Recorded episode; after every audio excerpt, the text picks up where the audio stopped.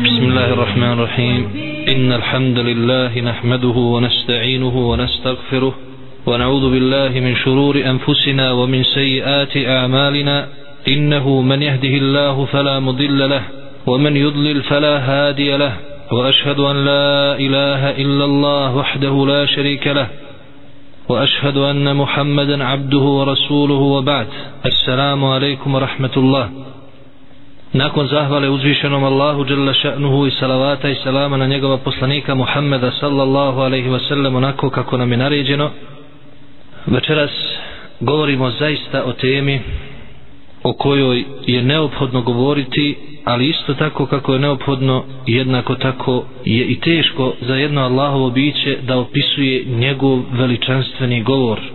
Da nas Allah uzvišeni pomogne da bacimo malo svjetla na ovu temu jer kako reče Ibn Taymije u svojoj poznatoj knjizi Al Muqaddime fit tafsir ljudi sve što se više odmiču od vremena poslanstva i vremena poslanice sve se više udaljuju i od onoga s čim je došao poslanik i sve to manje postaje poznato kod njih.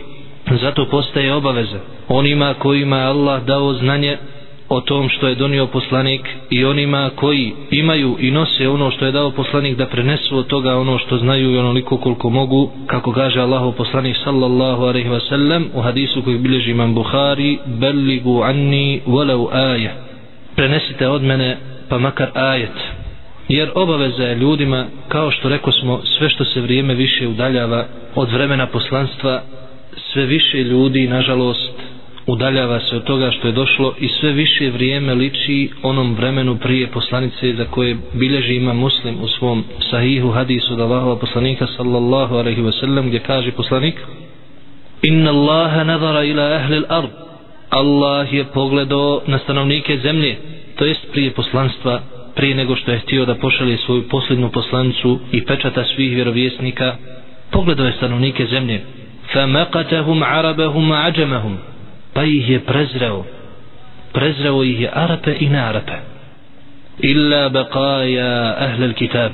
Osim ostataka sljedbenika knjige onih koji su bili na istini. A riječ baqaja ostaci ukazuju na njihovu na njihovu malobrojnost. Zato pogledajte ovaj period.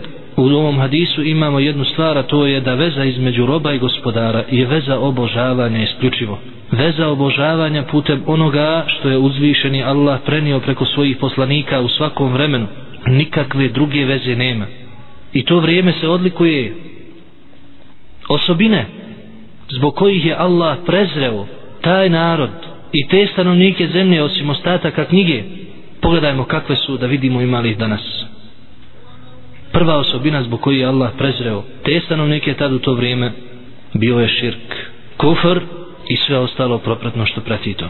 Znači obožavanje drugih ozimanje drugih božanstava mimo Allaha uzvišenog nevjerovanje u njega zulum nepravda koja se čini među ljudima neznanje kad kažemo neznanje ne znači da ti ljudi nisu imali civilizaciju braćo i sestre. Ne znači da ti ljudi nisu imali nauke. Imali su određene nauke imali su određenu civilizaciju ali kad kažemo znanje mislimo na znanje o gospodaru svjetova mislimo na znanje o njegovim poslanicima. Mislimo na znanje o vjeri koju je poslao po svojim poslanicima.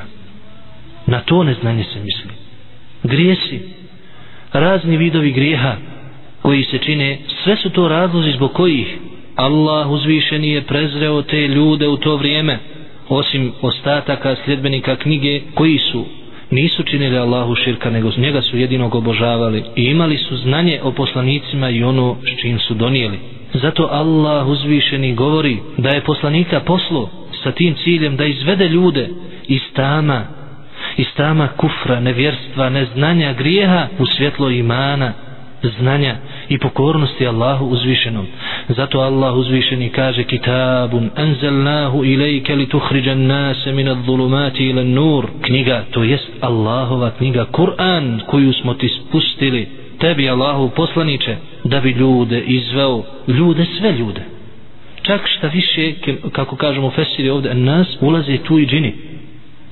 I džine i ljude da bi izveo iz tama, tama kufra, tama neznanja, tama nepokornosti Allahu uzvišenom činjenja grijeha prema njemu ili nur u svjetlo, svjetlo imana, svjetlo upute, svjetlo znanja, svjetlo pokornosti uzvišenom gospodaru svih svjetova. Bi izni rabbihim ila siratil azizil hamid, sa dozvolom toga gospodara na put silnog i koga sve hvali.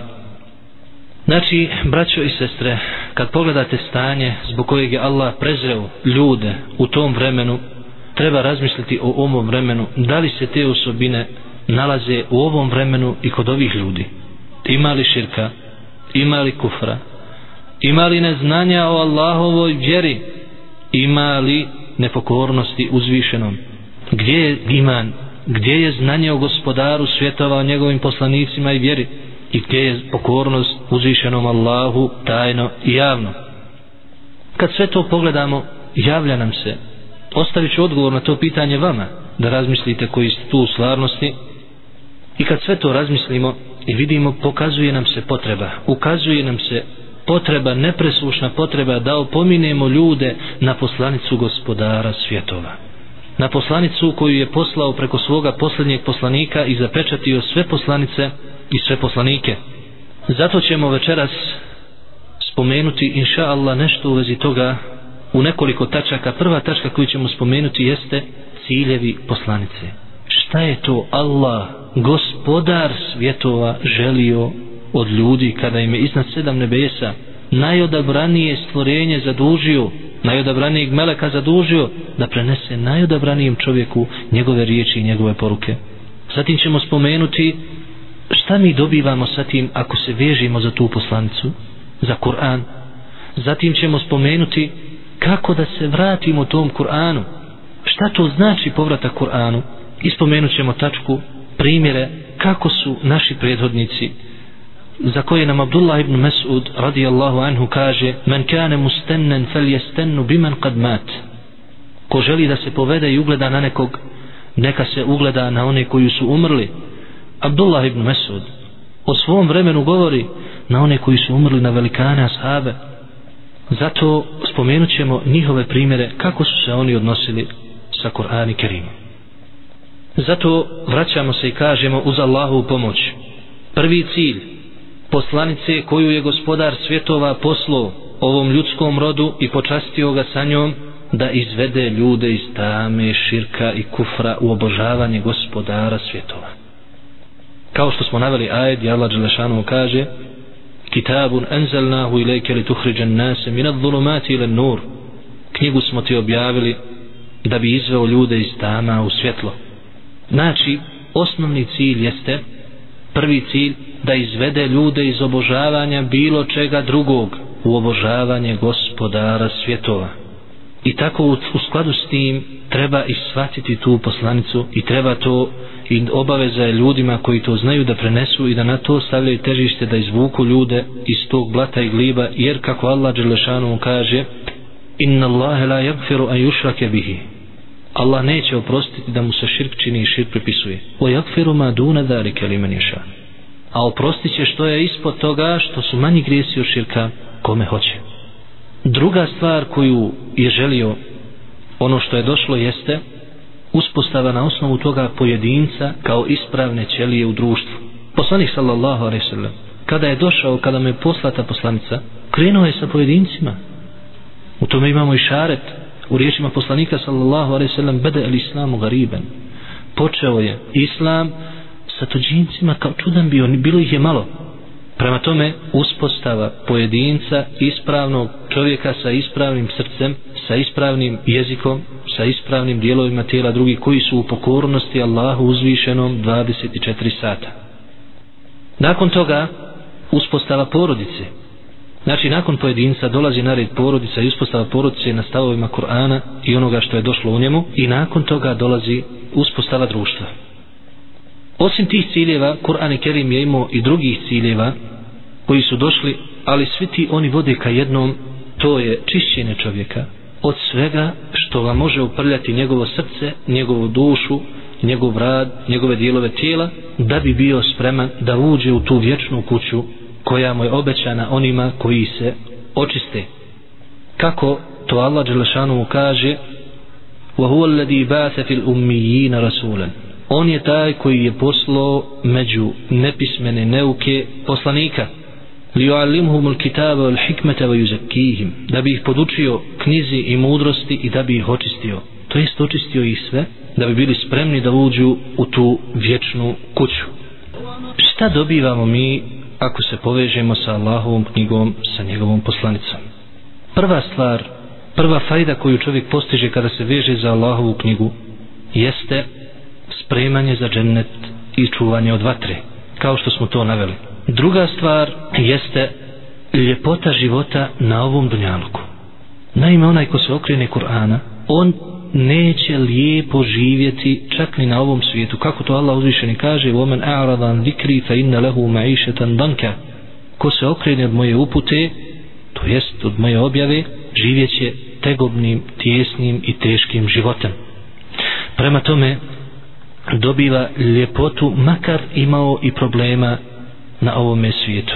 Međutim ljepota života ogleda se u širokogrudnosti u veličini duše u sreći koja se slijeva na srce i ostale stvari. Kao što kaže Ibn Kajim u jednoj svojoj knjizi opisujući svoga šeha Ibn Taymiju kaže tako mi Allaha nisam vidio čovjeka koji ima više problema i koji ima više prijetnji od svojih neprijatelja koji ima u to vrijeme ali isto tako nisam vidio čovjeka da ljepše živi i da ljepšim životom živi od njega iako i pored teškoća i problema koje je imao. Tako da čak kada bi mi imali problema i kada bi nam bilo teško mi bismo otišli kod njega i to bi njegovom pričom nestajalo od nas. Prema tome to je postizanje tog života. I svako ko se okrene vjerujte braćo primjera za toga ima jako puno tako da ih je suvišno i nabrajati da svako kogod se okrene od Allahove knjige makar imao cijeli dunjaluk da je propo sljedeća fajda koju imamo jeste čišćenje naših riječi i naših dijela od svega što ne valja našeg ahlaka i onoga što je ružno. Zaista je tužno tužno i opet tužno vidjeti čovjeka osjedio ili vidjeti nenu osjedila. Nije se osnovnim adabima i ahlakom u govoru i u radu i u ponašanju okitila od onoga što je došao Allah i njegov poslanik sa njim. Znači to je tužno zaista da prođe čovjek a čovjek musliman i svjedoči da nema drugog Boga sem Allaha i zaista kad čuješ njegov govor i njegovu priču to zaista je tužno tako nešto vidjeti da prođu tolike godine da se ništa od toga ne primjeni. Prema tome čovjek koji se druži sa Kur'anom ima tu fajdu da će očistiti svoj jezik od onoga što ne valja kako to Allah Đelešanu kaže la yuhibbu Allahu al-jahra bisu Allah ne voli da se javno govori ili glasno govori o ružnim stvarima. U tome vidimo edeb ili da Allah Đelešanu odgaja vjernike da svoje riječi odgoje i dovedu u red. Sljedeća fajda koju imamo spoznaja halala i harama. Naime, čovjek koji se ne druži sa Kur'anom i sa znanjem kojim je Kur'an došao, uvijek je u opasnosti da padne u nešto što je Allah zabranio ili da ne uradi nešto što je Allah naredio ili njegov poslanik. Zato poslanik sa sallam kaže Wal Kur'anu hudretun leke au alejke Kur'an je dokaz za ili protiv tebe. Prema tome čovjek spoznaje halal i haram i Kur'an je došao i kao takav spušten i dokaz je za sve one koji se okrenu od njegovi naredbi i njegovi zabrana. Sljedeća fajda onima koji se druže sa Kur'anom jeste razmišljanje o njemu. Kako može biti razmišljanje o Kur'anu fajda? Razmišljati o Kur'anu, braćo moja, velika je čast.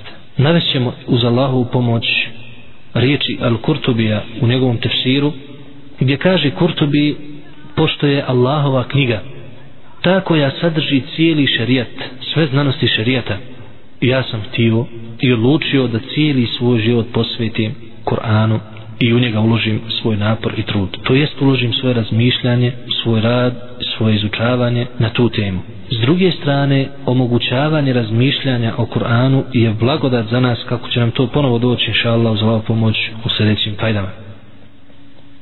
Sljedeća fajda koju čovjek dobiva družeći se sa Kur'anom, izučavajući Kur'an, spoznaja istine i svatanje stvarnosti onakva kakva ona jest. Jer ko se druži s Kur'anom, ne mogu mu se sakriti neke smicalice munafika, ne mogu mu se sakriti neke smicalice nevjernika koje su jasne za one koji se druže sa Allahovom knjigom koji ih na taj način prepoznaju. Jer Allah uzvišeni nije ostavio ko razmišlja o Kur'anu nije ostavio ništa od toga što nevjernici mogu da urade ili monafici a da vjernik to ne može prepoznat u sredstvima koje su koristili nevjernici i munafici u vremenu kada je Kur'an objavljivan. Sljedeća fajda koju čovjek dobiva jeste fadilet, vrijednost za koju poslanik sallallahu alaihi sallam kaže hajrukum men ta'allama al-Qur'ana wa 'allamahu.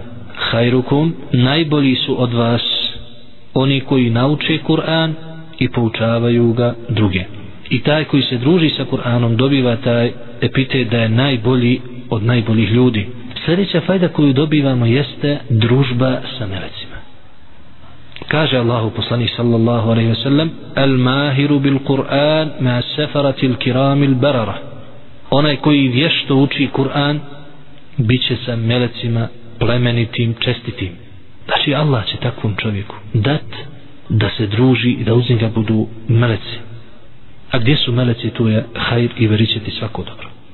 Sljedeća fajda ko se druži sa Kur'anom, oni koji malo slabije uči Kur'an, dobit će dvije nagrade kako je to obećano u hadisu, u istom nastavku hadisa gdje kaže poslanik وَالَّذِي يَقْرَأُ الْقُرْآنِ وَهُوَ يَتَتَعْتَعُ فِيهِ وَهُوَ عَلَيْهِ شَاقْ فَلَهُ أَجْرَانِ a koji uči Kur'an, znači čovjek ili žena koja uči Kur'an s teškoćama i zamuckuje i ima poteškoća prilikom toga, dobit će dvije nagrade.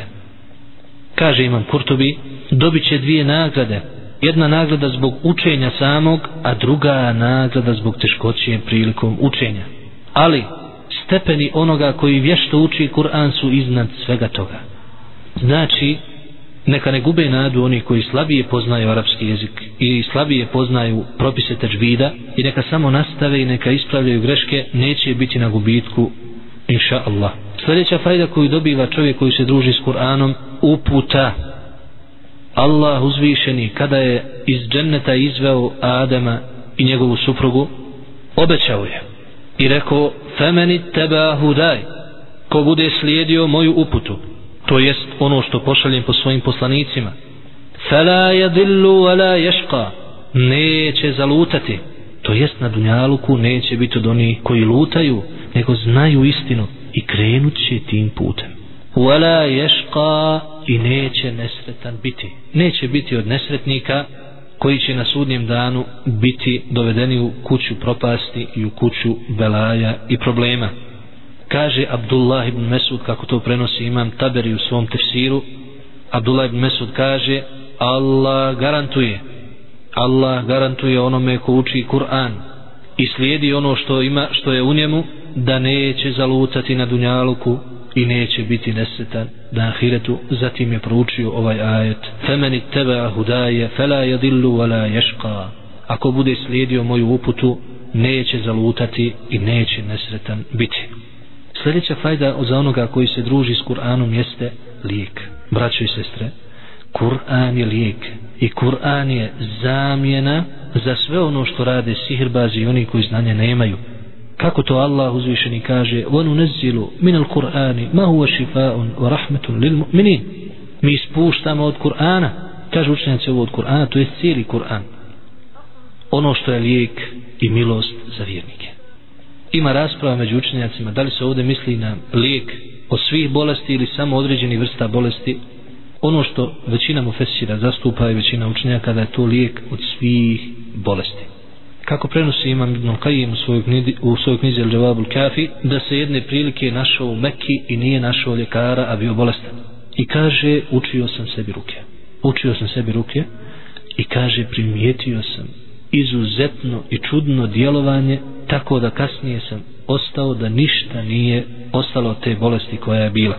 Pogotovo od nekih vrsta bolesti kao što je ujed otrovnica i groznica i tako dalje kao što se to navodi u hadisu da jedan od tabina naime u toku noći ujela ga ne, nešto otrovno neka otrovnica ili akrep ili zmija ili nešto kao što je to bilo u pustinji jako često i učio je rukju kasnije kad su ga pitali zašto kaže da ime Imran ibn Husayn prenio od Allahova poslanika sallallahu alaihi sallam da nema ruke osim od uroka i ujeda otrovnice.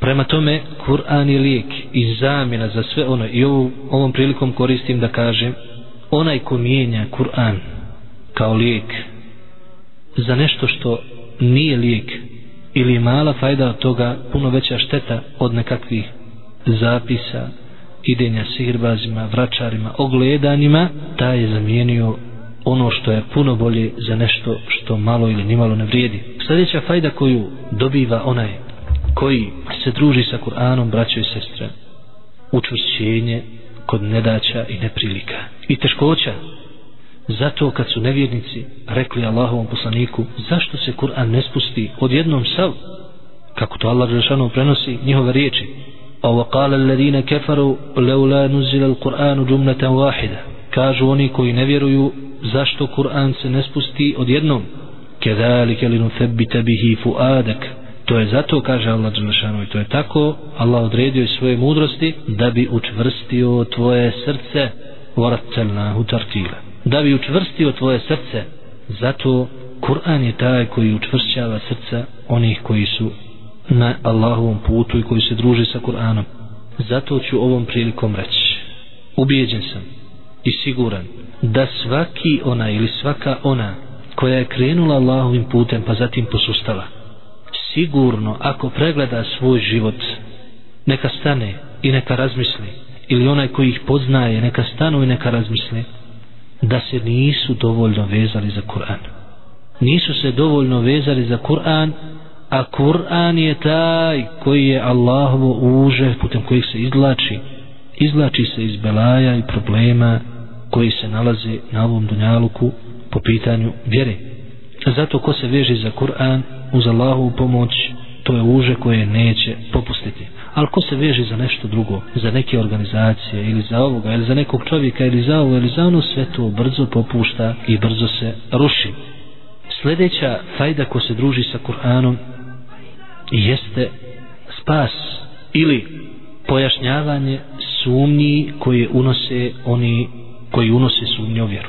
Znači bilo kakva sumnja da se desi ili bilo kakva šubha da se unese od strane nevjernika ili od strane novotara oni šta imaju lijek za to i imaju za to rješenje kako to Allah Đelešanu jasno kaže وَلَا يَأْتُونَكَ بِمَثَلْ إِلَّا جِئْنَاكَ بِالْحَقِّ وَأَحْسَنَ تَفْسِيرًا neće ti doći ni sa kakvim primjerom tako da bi poništili tvoju vjeru i da bi unijeli nekakvu sumnju u nju a da mi ti nećemo doći sa istinom i sa i najljepšim tumačenjem za to pojašnjenjem u koje ne ostavlja riječi za onoga koji je donio tu šubhu zato kažu učenjaci nikada ne dođu novotari u vjeru s nečim a da to s čim su došli ne bude dokaz protiv njih. Prema tome svaki put kada neko pokuša nešto od toga ova Allahova vjera je teška i ova Allahova vjera je jaka i odbija od sebe te stvari samo je pitanje koliko mi od te vjere poznajemo.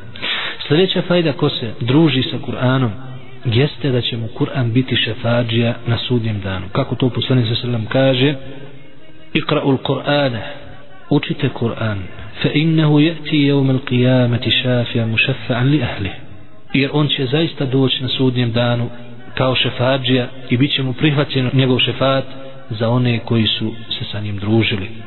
Sljedeća fajda koju čovjek dobiva sa Kur'anom i druženjem sa njim, smirenost i blagost koja se spušta na srce i na ono što je oko njega, kako kaže imam Buhari u svom sahihu, babun nuzulu sakina wal malaike inda qiraati al-Qur'an poglavlje spuštanje smirenosti meleka kada se uči Kur'an.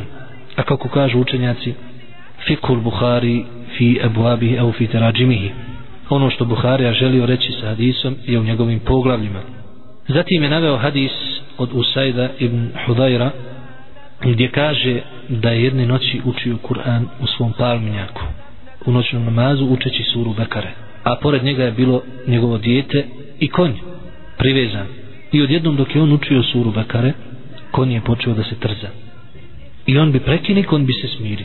Ponovo kad bi uči Kur'an konj bi ponovo pođe da se trza.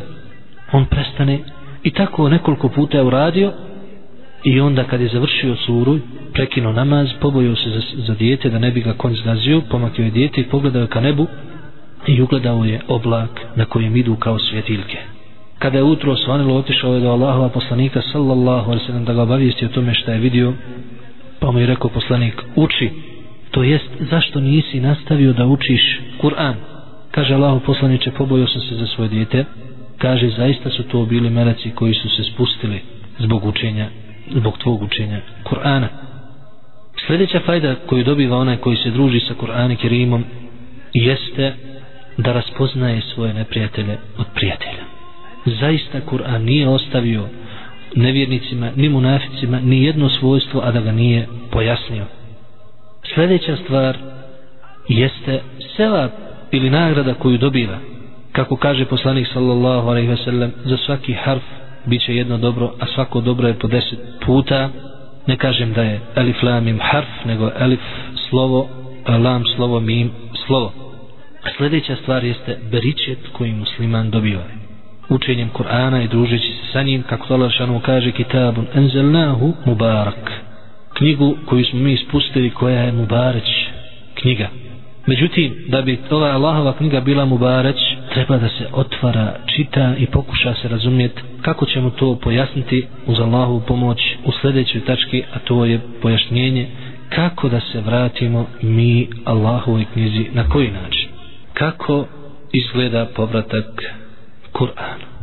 Braćo i sestre, prvo što treba i kako treba da izgleda naš povratak jeste osjećaj da ta knjiga koju mi imamo u rukama je poslanica gospodara svjetova. Knjiga koju mi čitamo je poslanica gospodara svjetova koju je poslao preko najodabranijeg meleka najodabranijem čovjeku. I sam taj osjećaj budi u čovjeku jedan osjećaj koji ne može da ga zamijeni ništa drugo i koji budi važnost te knjige u životu muslimana. Prema tome osjećaj da je ta knjiga gospodara svjetova. Sljedeća stvar kako treba da, da, da izgleda povata Kur'anu jeste osjećaj da sve što se spominje u Kur'anu od naredbi, zabrana, pouka, poruka odnosi se lično tebi i nikome drugome. Svaka naredba, svaka zabrana, svaka pouka, svaka priča, svako ukazivanje znaj da se tebi obraća i da od tebe traži kako kaže Abdullah ibn Mesud i Abdullah ibn Abbas i drugi ashabi kada čujete u Kur'anu ja ejuhal ladina amenu o vi koji vjerujete dobro slušajte. Ili je naredba ili je neki hajr pa vam ga vaš gospodar naređuje ili je neko zlo pa vam ga vaš gospodar zabranjuje. Prema tome taj osjećaj treba da bude kod čovjeka a ne da je to neka knjiga koja ne tiče se njega ili da je to neka knjiga koja je samo zbog beričeta ono ima beričeta i učiti ga treba mi ćemo spomenuti da je to jedan vid povratka ali taj povratak pravi vid tog povratka jeste taj osjećaj da te naredbe i to što ti čitaš odnosi se na tebe. I bit će dokaz za ili protiv tebe kako to poslanik sallallahu alaihi sallam kaže wal Qur'anu hudjetan leke au alejke a Kur'an je dokaz za tebe ili protiv tebe sljedeća stvar kako treba da izgleda povratak Allahovoj knjizi jeste čitanjem, razmišljanjem, odučavanjem i radom po tome. Znači čitanje treba što više oživljavati meščide, mektebe sa izučavanjem Kur'ana, Kur'anskog pisma da bi ljudi mogli da čitaju Allahovu knjigu. Zatim da se olakša značenje toga Nažalost, ljudi ne shvataju, ili bar primjetno je da mnogi od ljudi ne shvataju šta znači saznavati nešto o Allahovoj knjizi. Da je to cilj u suštini. Gdje Allah Đelešanu kaže li je debaru ajati, da je tu knjigu spustio da bi oni razmislili o njenim porukama. Zatim da je podučavaju i da rade po tome. To je povratak Kur'ana onakav kakav jest, ali mora biti ti stepeni. Prvo naučiti čitati, zatim razmišljati, razumjeti šta se želi reći, razmišljati, međutim još jedna stvar je vrlo bitna, to razumijevanje Allahove knjige, mora biti u svjetlu onoga kako su to razumjeli ashabi Allahova poslanika sallallahu alaihi sallam prve generacije. U suprotnom, nema hajra od tog svatanja. Jedino je to ispravno svatanje kako, kako su naveli predad od Allah ibn Mesuda men kane mustennen fal jestennu bi men kad mat. Ko hoće da se ugleda na nekoga i neka se ugleda na one koji su već umrli. To jest ashabi Allahova poslanika sallallahu alaihi wasallam Sljedeća stvar, povratak Kur'anu izgledao bi pozivanjem ka njemu. Jedne prilike sjećam se u, u Pakistanu, čini mi se, ili jednom od velikih gradova bila je velika konferencija o vjeri i vjerama i tim stvarima i jedan od prisutnih je predstavio islam i Kur'an i ono što on donosi sa sobom za ljudski rod. Jedna od prisutnih koja je bila prisutna i učesnica tog skupa, koja nije bila muslimanka, ustala je nakon tog skupa i rekla vi muslimani ste najveći zločinci danas. Zašto jer ste uskratili svijet od toga što je donijela ta poslanica?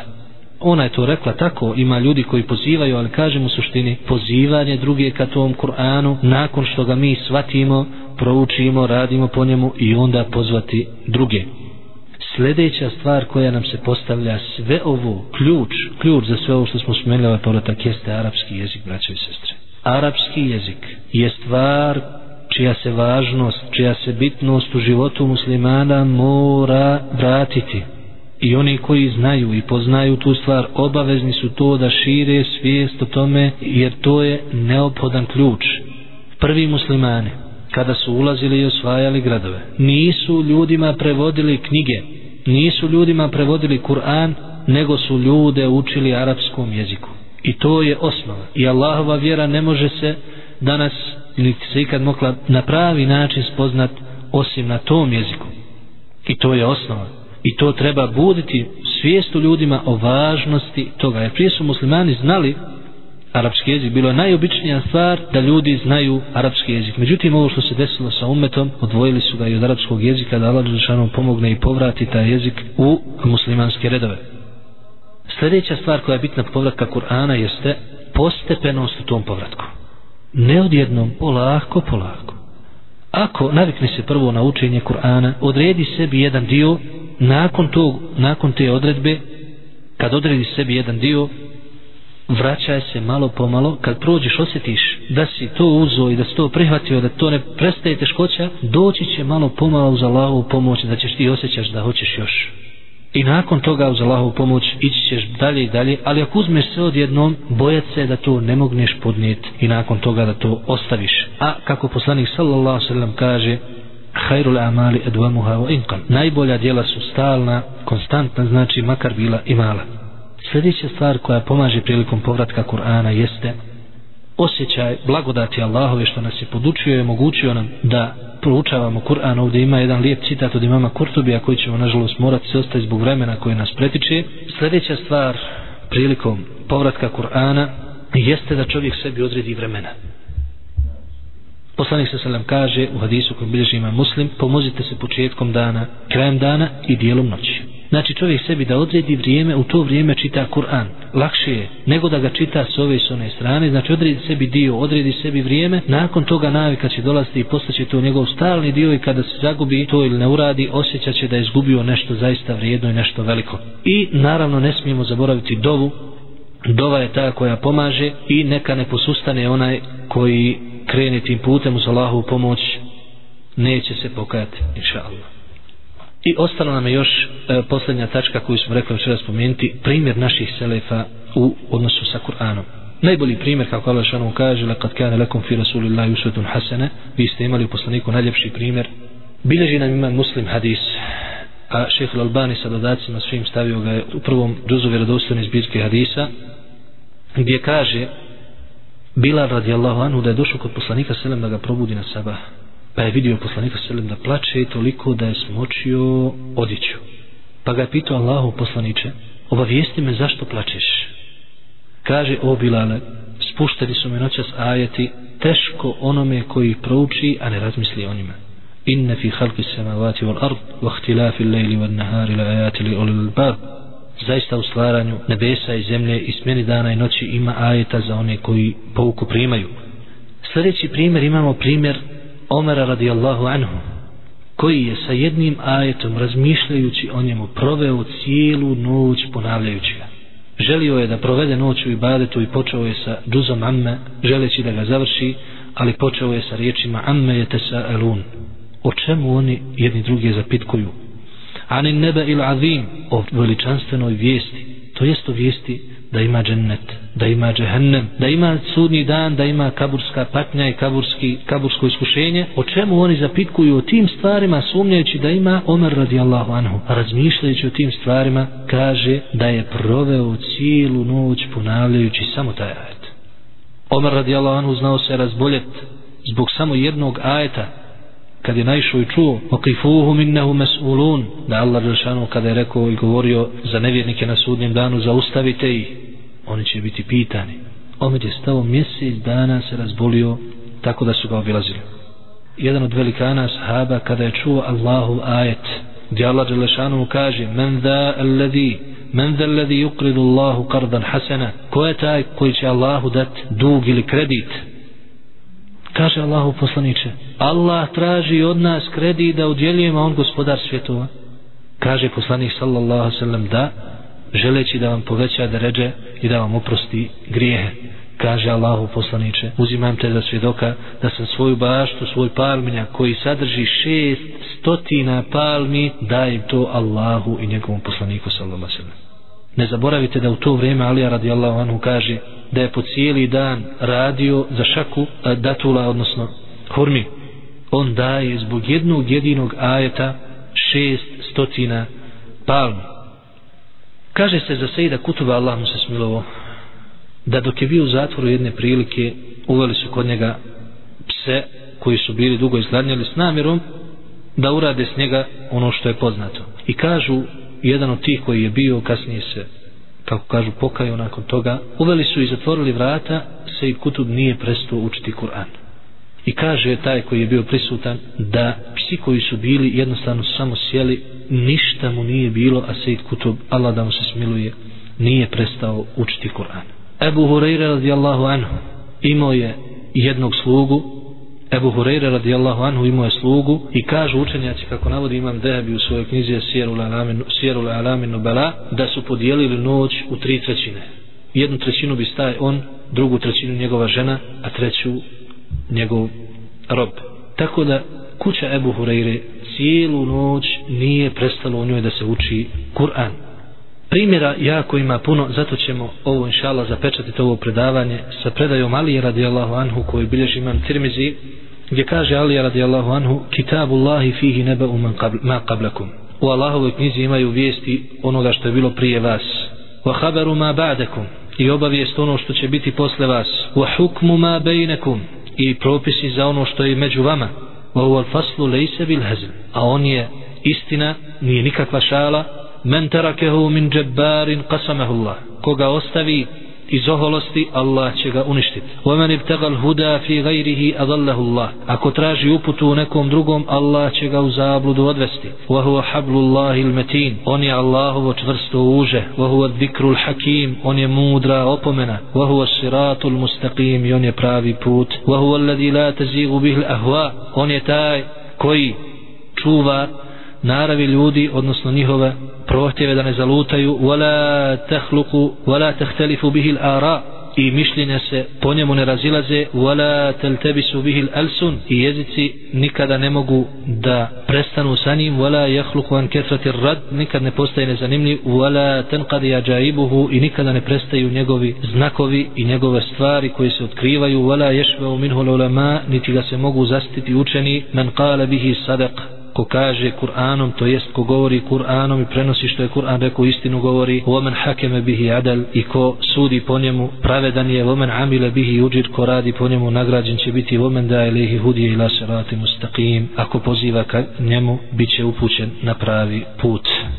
To je ono što smo željeli večeras i što nam je Allah Đelešanu otvorio od ovoga. Kažem, ovako jedan rob da govori o Allahovom govoru je teško, da Allah Đelešanu nas pomogne i Allah uzvišeni najbolje zna nakon svega.